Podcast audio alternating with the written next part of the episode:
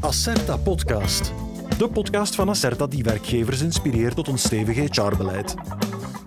We behandelen de meest actuele HR-thema's, toekomstgericht en gebaseerd op feiten.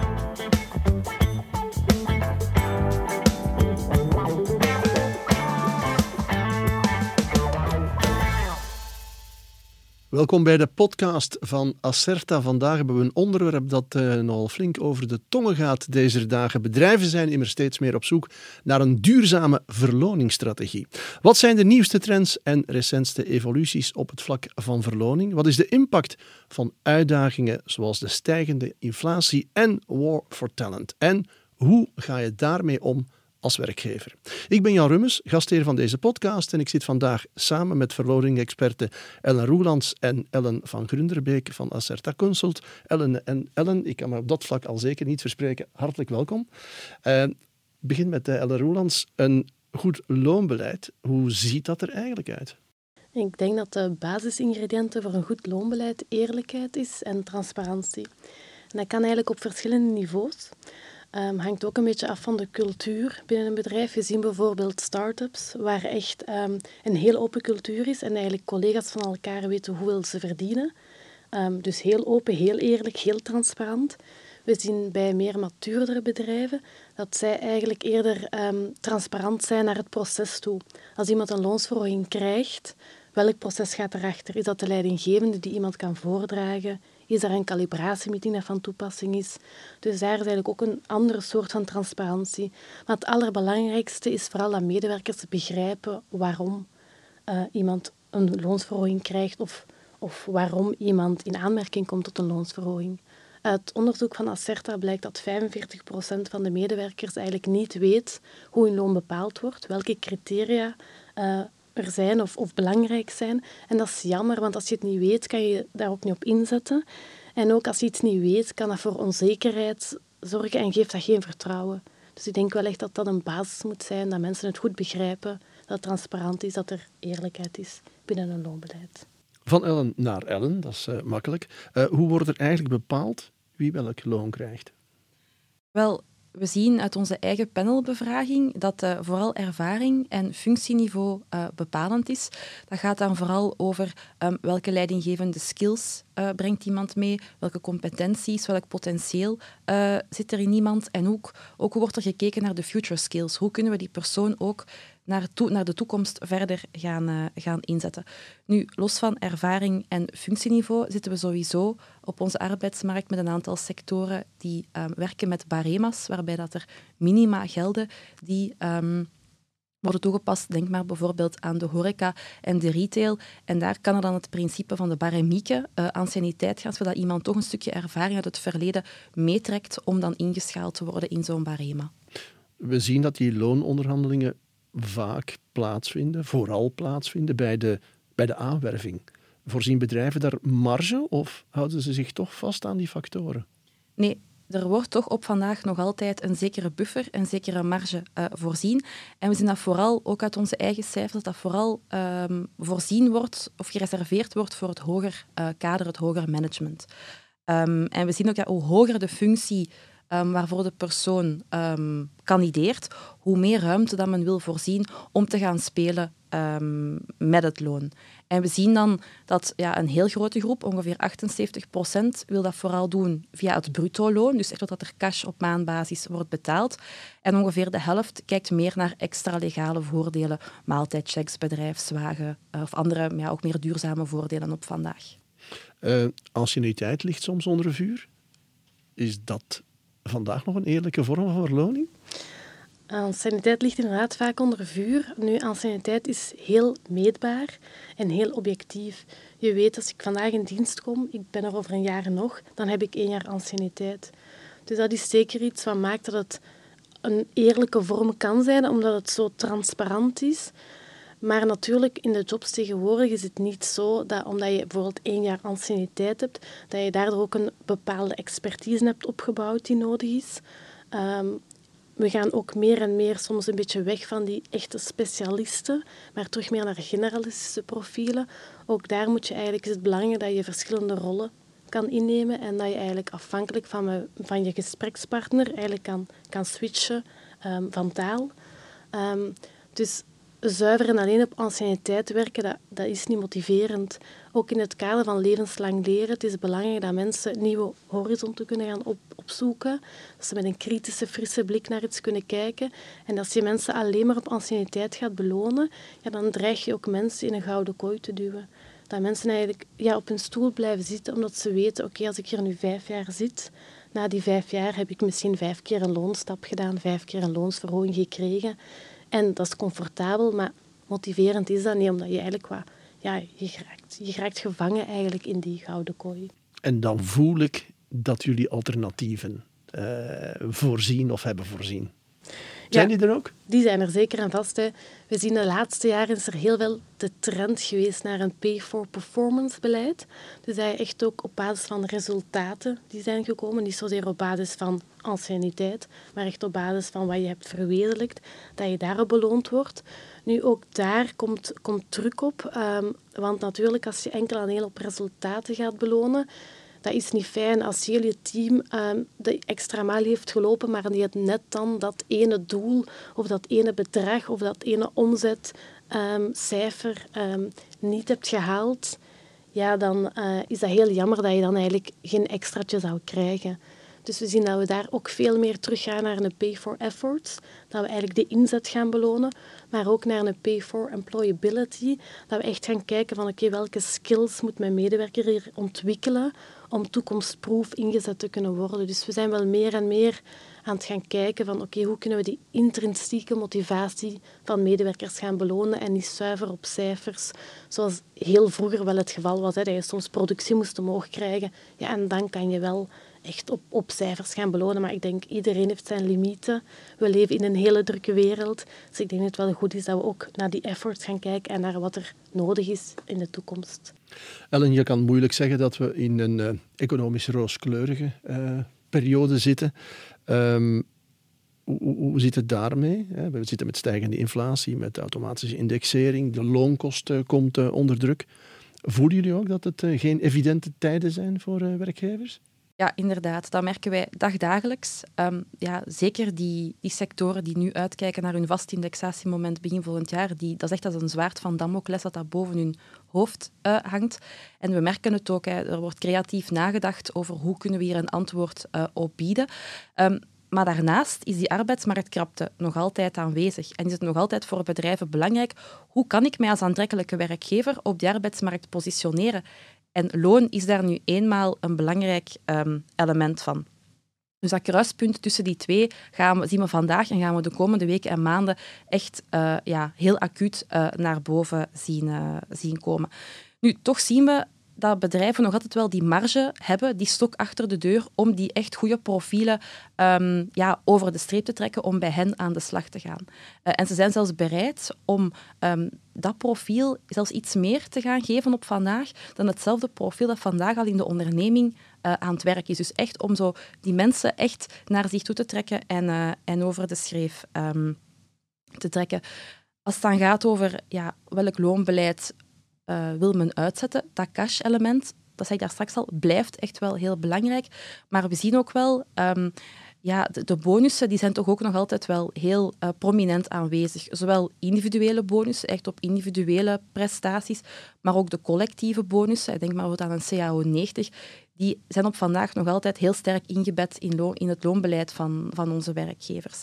Um, maar ook dat, Ellen zei het al, ja, dat is niet duurzaam. Daar zit heel weinig toekomst in, want ja, wat doen we binnen 10 jaar, binnen 15 jaar? Dus dat duurzame echt gaan verankeren in die, in die verloningsstrategie is echt iets waar dat werkgevers op vandaag mee gaan moeten bezig zijn.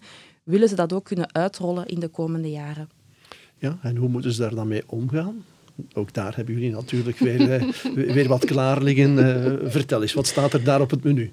Wel, um, de ingrediënten voor een duurzaam loonbeleid um, is eigenlijk geënt ook op de zelfdeterminatietheorie. En die stelt eigenlijk dat je drie basisbehoeftes, dat die vervuld moeten zijn.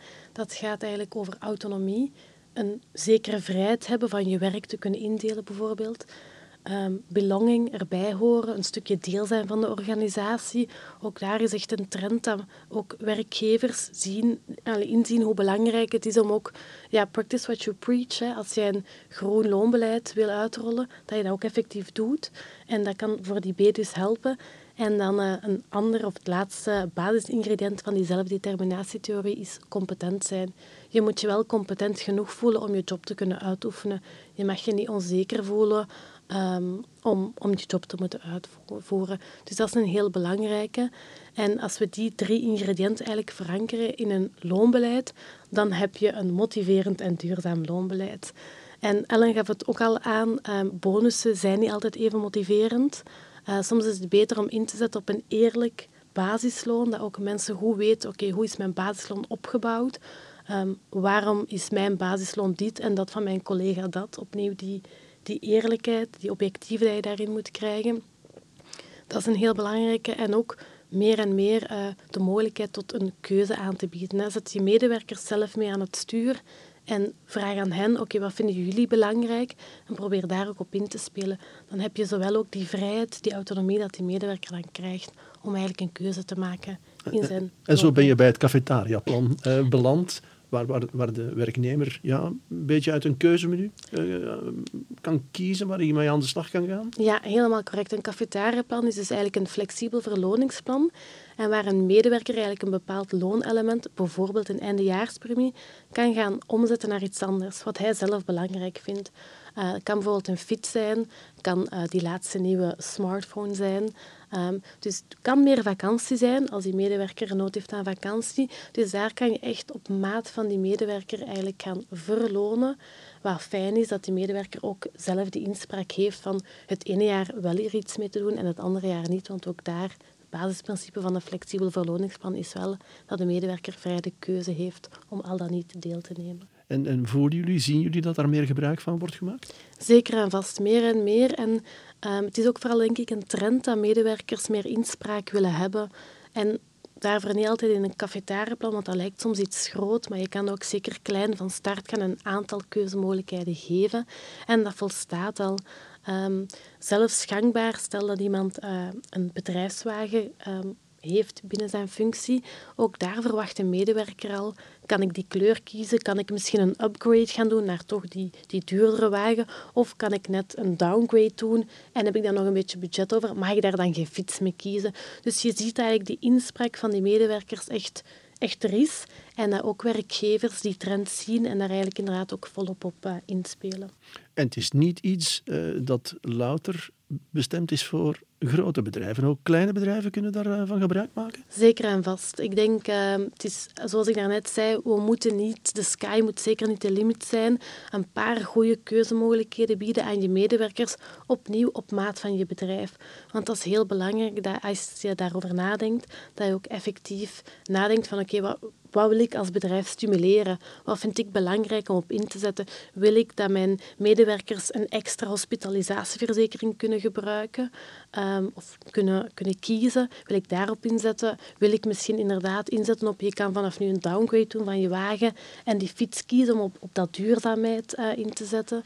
Um, dus dat is echt iets wat je wat kan en wat je zowel als een kleinere KMO kan aanbieden als een grotere onderneming. Dus voor beide is er perfect uh, een cafetariaplan of een flexibel verloningsplan mogelijk. Ja. Zijn er nog andere nieuwe trends die we, die we kunnen terugvinden?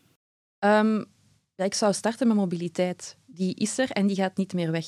Um, Ellen zei het al, hè, mensen die, die kiezen voor een auto, maar ze hem toch nog nodig hebben om bijvoorbeeld in het weekend de boodschappen te doen, maar die wel zeggen van ik wil ook wel graag de bakfiets om mijn kinderen in de week naar, naar school te kunnen brengen. Um, en we zien, zeker in het mobiliteitsverhaal, dat de fiets um, ja, echt verankerd raakt. Fietslease, het concept fietslease, is heel sterk uh, gegroeid uh, het laatste jaar. En dat is op zich een heel interessant uh, recept, want daarbij gaat eigenlijk de werknemer maandelijks een stukje van het loon kunnen gebruiken om de fiets te financieren over bijvoorbeeld meestal drie jaar. En dat maakt dat hij dat eigenlijk heel zacht mee gaat financieren en dat spaart hem of haar ook een privé-investering uit, wat ook maakt dat hij die elektrische fiets of zelfs die speedpedelec kan gaan um, gebruiken om daar ook bijvoorbeeld woon-werkverkeer mee te doen. Dus die fietslease is echt wel iets um, dat we heel sterk hebben zien boomen. Um, En een andere belangrijke werf is klimaat. Ik denk dat Glasgow um, daarin een hele belangrijke is geweest. De, het nadenken over duurzame uh, loonvoordelen. Ja, dat is echt wel top of mind bij, bij veel werkgevers. De energiecrisis is daar nogmaals uh, een heel duidelijke uiting van. Um, en dat kan gaan van het vergroenen van het wagenpark over fietsen, maar ook ja, bepaalde voordelen, zoals een innovatiepremie, kan je ook vandaag gebruiken om een uh, creatief groen idee vanuit het personeel te gaan belonen. Ook in een bonusplan kan je groene ideeën gaan, uh, gaan incorporeren. Dus ja, dat is echt wel iets dat we nu zien en dat, de, ja, dat we de komende jaren op, uitgerold gaan zien in heel veel bedrijven. Uh, maar hoor ik je nu zeggen, uh, de, de bedrijfswagen die uh, gaat qua populariteit een beetje achteruit? Of is het, het is de bedrijfswagen, ja, maar het wordt een ander soort bedrijfswagen of een ander soort bedrijfsvoertuig of verplaatsingsmiddel? Ja, het is eigenlijk een beetje een mix. Um, we zitten sowieso met uh, wetgeving die maakt dat het bedrijfswagenpark vergroend zal moeten worden. En daar zit 2026 bij iedereen uh, heel sterk in het hoofd, want vanaf eind 2026 is het gedaan met 100% aftrek voor elektrisch rijden. Dus we zien dat heel veel bedrijven, en dus dat effect van die wetgeving is heel duidelijk zichtbaar in het, in het uh, bedrijfswagenbeleid van werkgevers, om nu echt al te gaan plannen, hoe rollen we dat uit? En sommigen doen dat vanaf de eerstvolgende keuze. Anderen gaan dat meer gefaseerd doen. Dat is ook heel erg afhankelijk van het DNA van je onderneming, van hoe gaan we hiermee aan de slag. Dat is geen one size um, fits all. Dus ja, die, die fiscaliteit maakt wel dat het bedrijfswagenbeleid zal veranderen en echt die shift zal maken naar hybride en naar elektrisch. Ook de fiscus heeft ook ja, de, de, aftrek voor laadpalen bijvoorbeeld. Dat is er. Dus er is ook echt een extra incentive om het nu al um, te gaan doen. En daarnaast, ja, de fiets, de, de step, dat gaat er allemaal uh, mooi naast komen te staan. En is het mobiliteitsbudget dan zo'n beetje de topper in het mobiliteitsgebied, dat echt een, een budget aan de werknemer wordt gegeven, die in principe over een bedrijfswagen kan beschikken, om echt te gaan kiezen. Hè. Een kleinere auto, een fiets, een abonnement openbaar vervoer, uh, om op die manier die, die multimobiliteit um, te gaan verankeren. Als we dan gaan kijken binnen dat flexibel loonbeleid, uh, Ellen, welke voordelen bieden de werkgevers daar het meest aan? Uh, volgens, volgens, onze panelbevraging uh, is multimedia heel populair. Is ook naar aanleiding van het thuiswerk. Um, Ellen zei het ook al, we zoeken andere manieren om ons naar het werk te verplaatsen. Maar ook dat hybride komt terug. We gaan ook meer terug van thuis blijven werken. Um, dus daar ook alles rond multimedia, een extra scherm, toch een printer, misschien een scanner, uh, een, beter, uh, ja, een beter scherm, uh, alle mogelijkheden daar zien zijn heel populair. Alles rond hospitalisatieverzekeringen blijft populair. Die extraatjes dat je dan toch kan aanbieden op een heel voordelige manier. Um, stel dat je je gezinsleden bijkomend wil verzekeren, ook zo'n dingen kunnen allemaal in die flexibele verloningsplannen worden opgenomen. Um, pensioensparen blijft ook een topper in een flexibel verloningsplan. Dus um, een heel ruim aanbod aan voordelen uh, binnen het cafetariaplan, daar ook heel veel gebruik van gemaakt wordt. Maar ik denk de toppers zijn vooral um, dat multimedia-verhaal en ook zeker alles rond dat, dat gezondheid en die aanvullende voordelen, rond dat pensioensparen, die extra hospitalisatieverzekering. En zoals Ellen ook aangaf, die mobiliteit, die fiets die heel populair is. Hè. Want als je een fiets ter beschikking stelt aan je medewerkers, kan je ook een fietsvergoeding geven aan die medewerkers wanneer dat die, die fiets effectief gebruiken om mee naar het werk te komen. En ook daar eigenlijk als, als werknemer word je dan beetje dubbel beloond. Je kan en in het cafetariaplan uh, die fiets kiezen en als je dan nog eens ermee naar het werk komt, kan je een fietsvergoeding uh, krijgen om die fiets effectief te gebruiken. Ik heb nog een korte vraag, dames, voor jullie alle twee, allebei. Uh, nog een laatste gouden tip die jullie willen meegeven aan de werkgevers?